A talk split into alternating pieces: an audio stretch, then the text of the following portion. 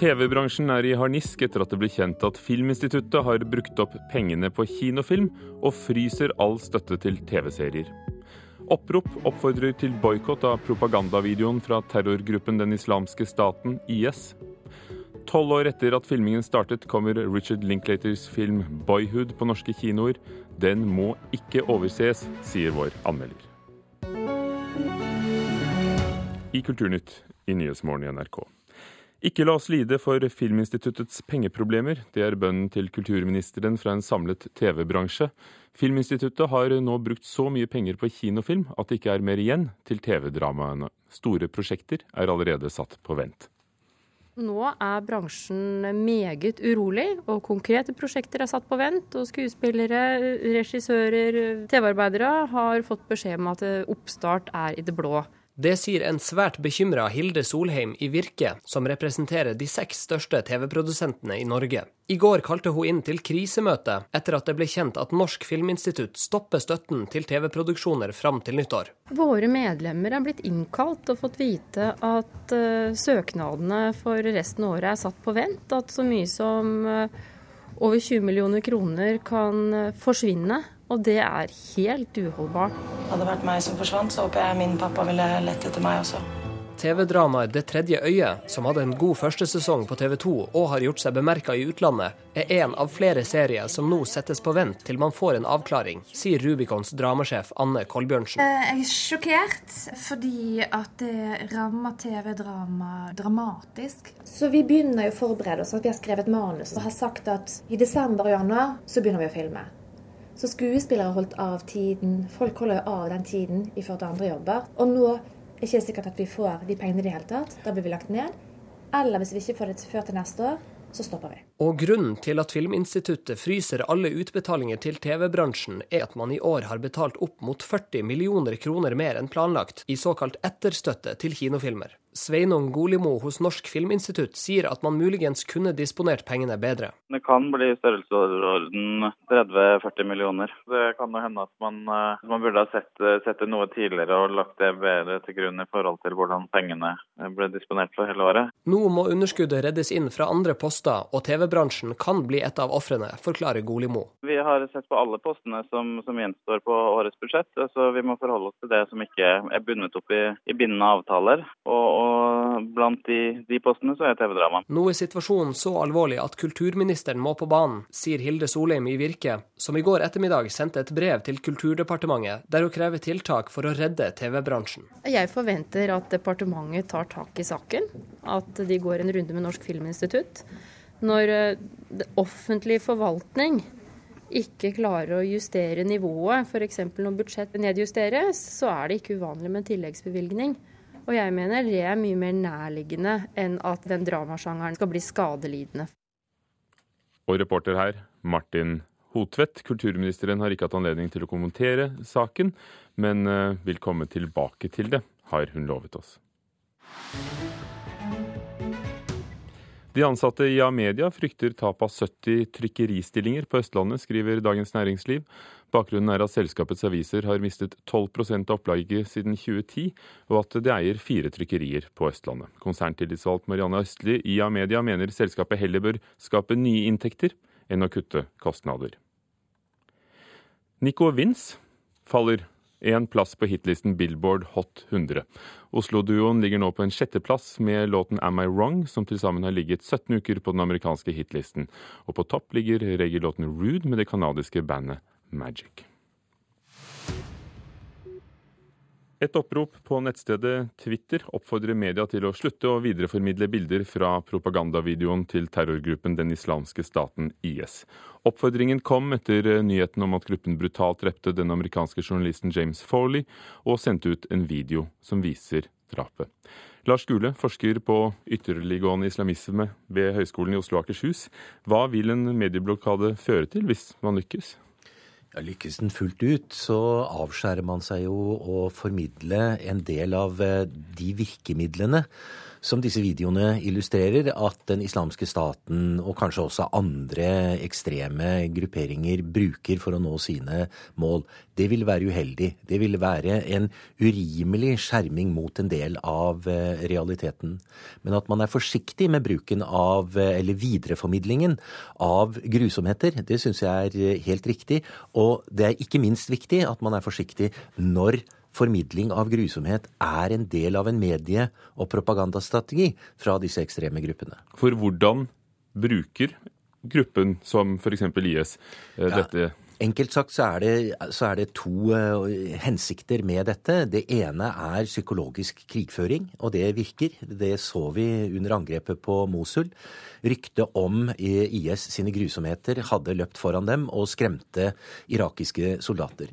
Andre, den andre hensikten er faktisk, og paradoksalt nok, rekruttering. Ved å vise disse uh, grusomhetene så attraherer man særlig ungdom som opp opplever dette som tøffe, sterke grupper, noen som står opp imot eh, en felles fiende, og som man derfor eh, merkelig nok får sympati med, og kanskje til og med vil slutte seg til. Alexandra Beverfjord, reportasjeredaktør i NRK Nyheter. I Dagsrevyen i går viste NRK ikke videoen av det brutale drapet, men stillbilder. Hvor langt skal man gå? Burde man, som oppropet sier, ikke dekke hendelsen? Nei, Det er klart det er et dilemma når eh, propagandavideoer blir brukt eh, så aktivt i, eh, i krigføringa. Det er som det blir påpekt her, både noe som gjøres av religiøse årsaker, det gjøres for å skremme motstandere, og det gjøres for å tiltrekke seg tilhengere. Og Som redaktører så er vi opptatt av at vi tar hensyn til det, og er opptatt av hvordan vi viser og bruker disse videoene i dekninga. Samtidig så er det ingen tvil om at vi er nødt til å dekke og, og la offentligheten få kjennskap til hva slags metoder som brukes. Når det gjelder akkurat videoen med henrettelsen som, som det ble vist uh, til i går, så, så, var det stillbilder som ble brukt. Uh, dette er bilder som ikke viser noe av Altså ikke levende bilder, og viser ingenting av selve henrettelsen. Men det er bilder som har både dokumentarisk verdi og nyhetsverdi, og som det er riktig å bruke i, uh, i nyhetsbildet. Men hvor lenge er det riktig å bruke det? For nå har f.eks. Eh, BBC på sine nettsider eh, sluttet å bruke bilder fra videoen eh, i alle de sakene som går an å, å, å finne frem umiddelbart. Mens på NRKs forside er det to bilder, og på Dagbladets forside er det en bilde hvor til og med terroristen står med en glinsende dolk i hånden. Mm. Nei, som sagt, Dette er et viktig bilde fordi det har både dokumentarisk verdi og nyhetsverdi. Og det er et bilde som nok kommer til å bli brukt senere også av media verden over. Fordi det kommer til å bli brukt når man omtaler denne episoden. Det er et bilde som har gått verden over, og som folk kommer til å huske lenge.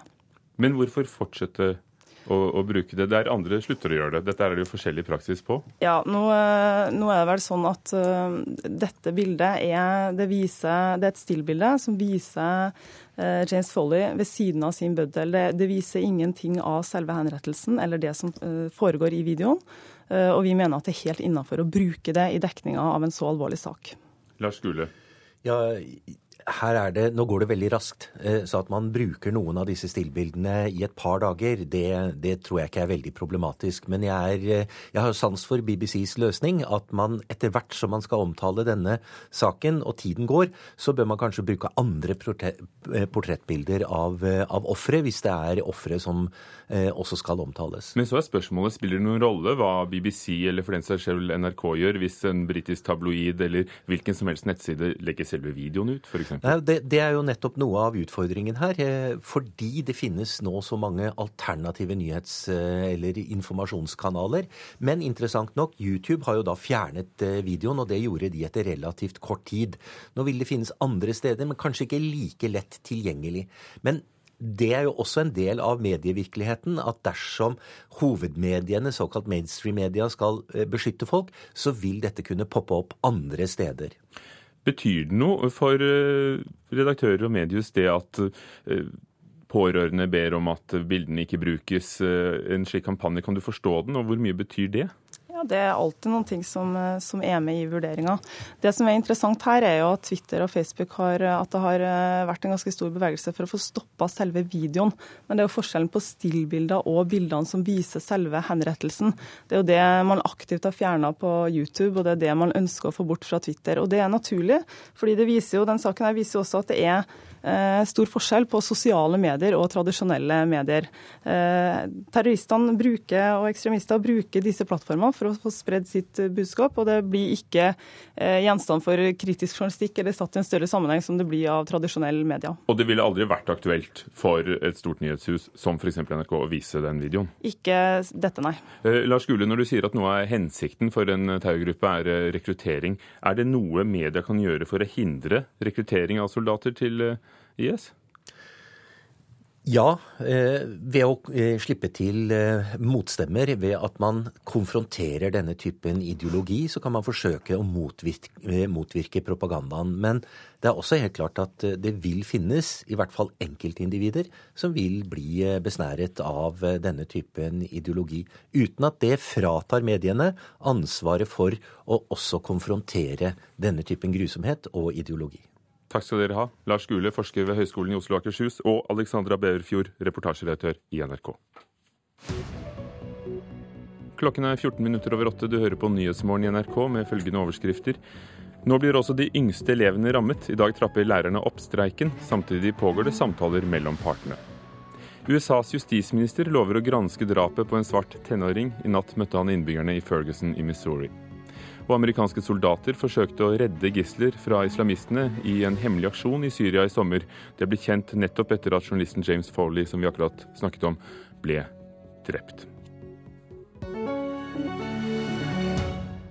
Og senere i Kulturnytt skal vi spørre regissør Jens Lien hva som var spesielt med 90-tallet, siden han regisserer en av Sveriges største TV-satsinger denne høsten. Men aller først Filmen 'Boyhood' den fikk kritikerprisen ved filmfestivalen i Haugesund. Regissøren er Richard Linklater. Han filmet de samme skuespillerne gjennom tolv år for å skape fortellingen om en guds oppvekst. Juryen Haugesund beskriver filmen som en nokså ordinær og ganske udramatisk historie, som allikevel, eller kanskje nettopp derfor, er en helt spesiell filmskatt. Vår anmelder Einar Gullvåg Staalesen har sett den. Boyhood er en god film, og den er enda mer interessant enn den er god. Den er et helt spesielt filmeksperiment som man ikke skulle tro det var mulig å gjennomføre i en tid da alle investorer vil ha sine penger raskt tilbake, med påslag. I Boyhood er det investert penger og talent og arbeidskraft én gang i året i tolv år. Først nå har produksjonen inntekter.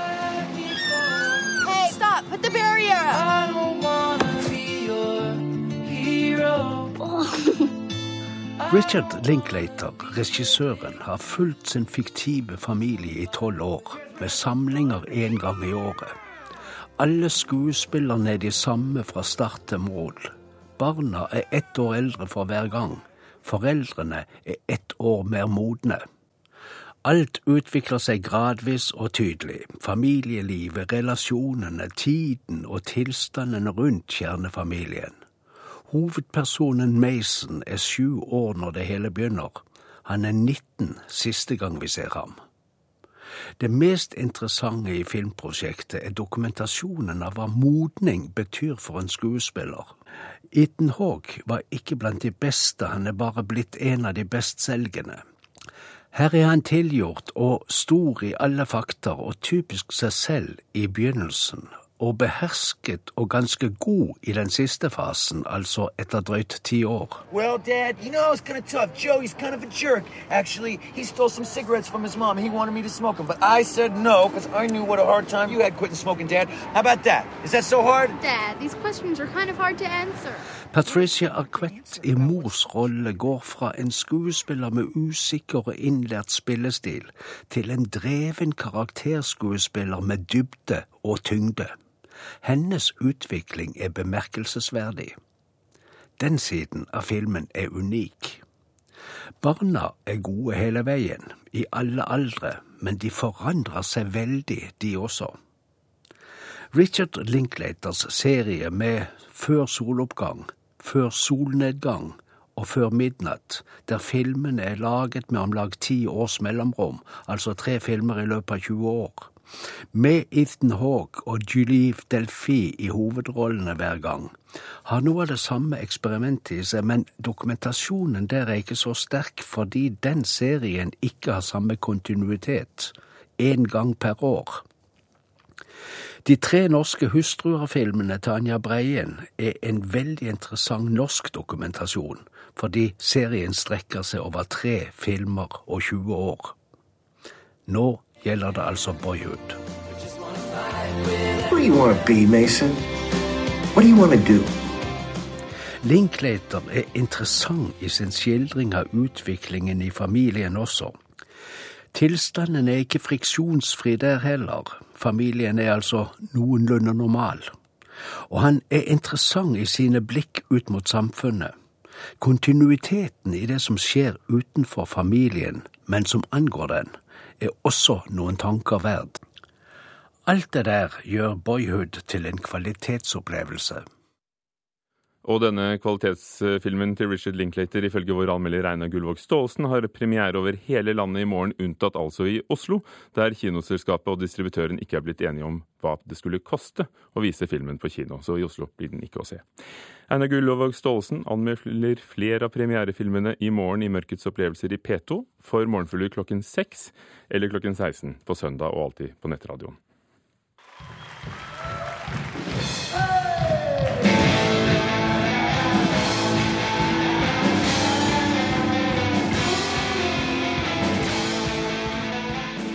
Den store satsingen fra Sveriges Televisjon denne høsten er TV-dramaet Viva Hate. Det handler om musikk, Göteborg, oppvekst på 90-tallet og det å stå utenfor. Jens Lien, kjent for regien på filmene 'Sønner av Norge' og 'Den brysomme mannen', er i ferd med å klippe ferdig serien, der voldsomme, ungdommelige følelser får stort spillerom. Jeg spiller et rockband. Viva Hate. Vi holder på med en ny låt. 'Skjut som elsker', heter den. Skjut dem som älskar. Varför det? Ja, men det är för deras egen skull. De lever ju bara en lögn. Hva?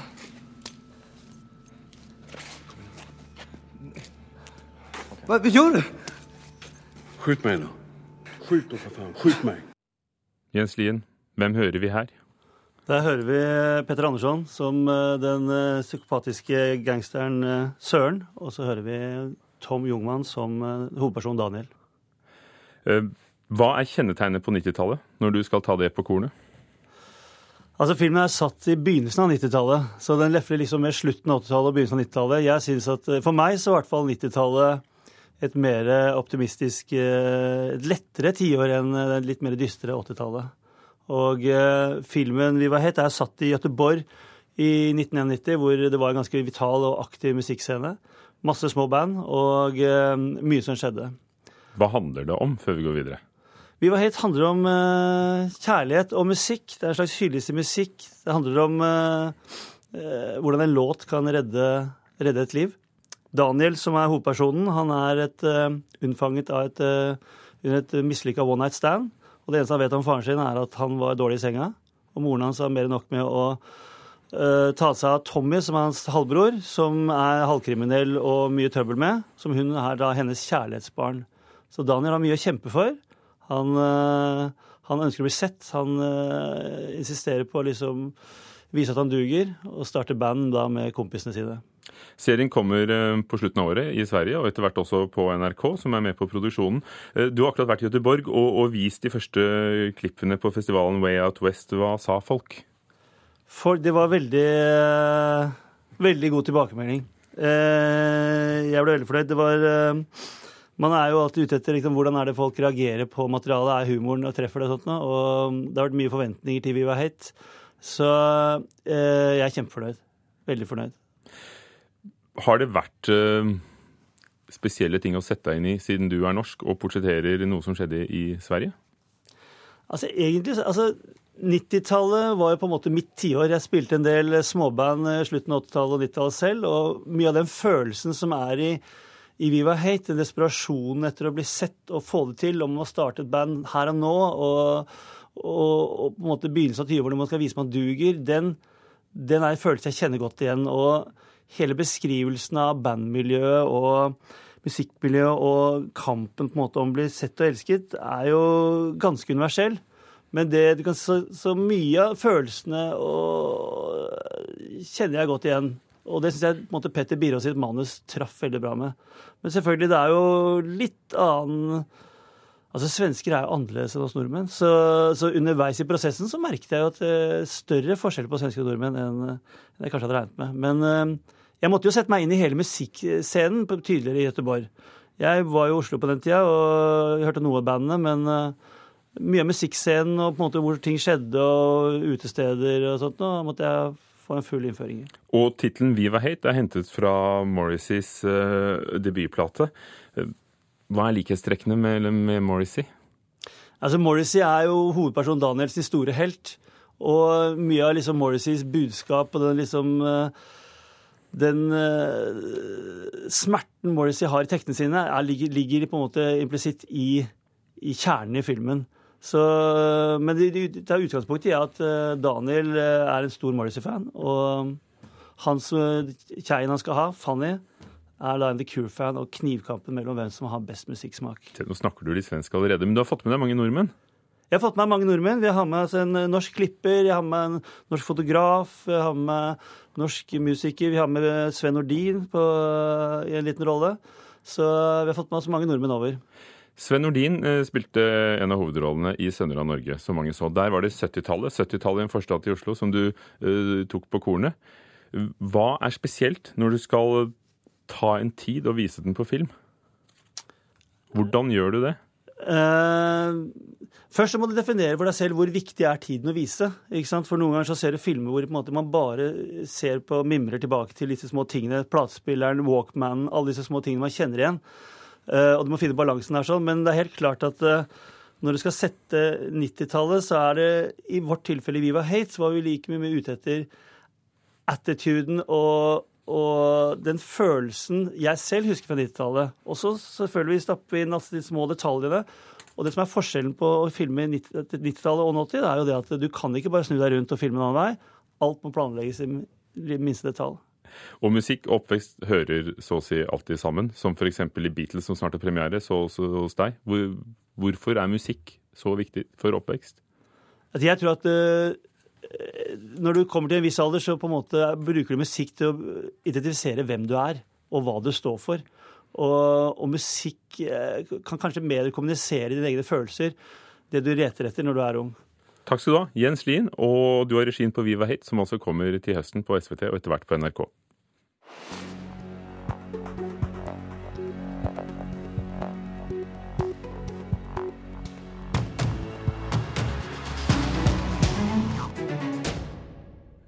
Det engelske språket har allerede fått eh, norske ord som ski, slalåm og fjord. Nå bør de også ta ordet skjærgård, mener fylkesmann Øystein Djupedal i Aust-Agder. Nå arbeider han med saken for å få skjærgård inn i engelske ordbøker. Dette er det vakreste landskapet som finnes, eh, etter min mening. Skjærgården er helt enestående vakker. Fra kontoret sitt høyt over Arendal sentrum har fylkesmann Øystein Djupedal vakker utsikt til byens skjærgård. Så det er mange ting som gjør at dette landskapet er veldig spesielt. Men det er jo kanskje først og fremst for de som ser det for første gang, det er jo så uendelig vakkert. Både med klipper og skjær og holmer, men også med hus og sjøboder og, og alt det vakre som, som, er rundt oss. Den tidligere SV-politikeren ble fylkesmann i Aust-Agder i 2009, og har for alvor gjort sørlendinger av seg. Men da han skulle beskrive den sørlandske skjærgården for en engelskmann, fikk han problemer. Og så kom ikke jeg på noe ord. Og så brukte jeg ordet archipelago, som jo er altså en samling med øyer. Men dette er jo ikke en archipelago, det er skjærgård. Og så til slutt, nesten i desperasjon, så sa jeg yeah, 'This is the Skjærgård', sa jeg til han engelskmannen. Og så flirer jeg vel litt, for han skjønte ikke hva det betydde. Nå er Djupedal lei av ordforvirringa. Og når jeg tenkte meg om, så etterpå så har jeg da tenkt å starte en folkebevegelse for å få skjærgård til å bli et engelsk ord. Vi har jo mange ord som har blitt engelske. Og fjord, det vet alle engelskmenn. Og Det er jo bare en kjedelig type landskap. Det er jo bare en strek med vann med noe fjell rundt. Men Skjærgard, der bor det jo mennesker har gjort eh, alltid. Så det er jo så mye vakrere, mener jeg da. Og det håper jeg at engelskmennene skal være enig i etter hvert. Fjorder finnes jo over hele verden. Det finnes ikke bare i Norge. Anne Line Gredler er førsteamanuensis i engelsk språk ved Høgskolen i Hedmark, og sier det er relativt sjelden at norske ord blir en del av engelsk. Det er jo stort sett motsatt vei engelske ord blir norske. Så Det ene er jo at det er vanskelig å se for seg hvordan man skal kunne få dette ordet inn i engelsk språk. Og så er det noe med stavemåten og uttalen som ikke er særlig enkelt for andre enn nordmenn eller skandinaver. I og med at du har den derre SKJ og en æ-bokstav og en å-bokstav. så da måtte man kanskje finne en annen stavemåte og en mer lettvint uttale av ordet i forhold til måten det er stavet på. da. Men Djupedal har ikke tenkt å gi opp så lett. Hvis mange syns dette er en morsom idé, så kanskje vi får det til. Eh, at vi sørlendinger skal få til dette, at vi skal få lage et engelsk ord for å beskrive vårt vakre landskap. Eh, så har jeg nå tenkt at når jeg blir gammel og grå, så skal jeg dra til London og så skal jeg gå på Foils, som er verdens flotteste bokhandel, og så skal jeg gå i The Dictionary-avdelinga og slå opp i en eller annen dictionary og se at der står det Skjærgard. Det er liksom mitt ultimate mål med denne prosessen. Øystein Djupedal til vår reporter Miriam Grov.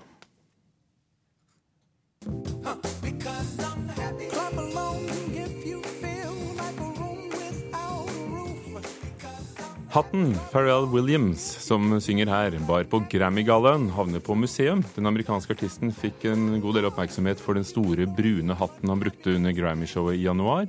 Hodeplagget fikk raskt en egen Twitter-konto med 20 000 følgere. Nå skal den stilles ut på nyhets- og journalistikkmuseet Newseum i Washington, USA. Markedssjefen ved museet mener hatten er utmerket eksempel på de sosiale medienes innflytelse. Hatten ble tegnet av Vivian Westwood i 1982 og kalles The Mountain Hat, fjellhatten. I Kulturnytt i dag har vi hørt at TV-bransjen er rasende etter at det ble kjent at Filminstituttet har brukt opp støttepengene på kinofilm, og fryser all støtte til TV-drama. Og sendingen var ved Hilde Tosterud, Halvor Haugen og Ugo Fermariello, og dette er Nyhetsmorgen i NRK.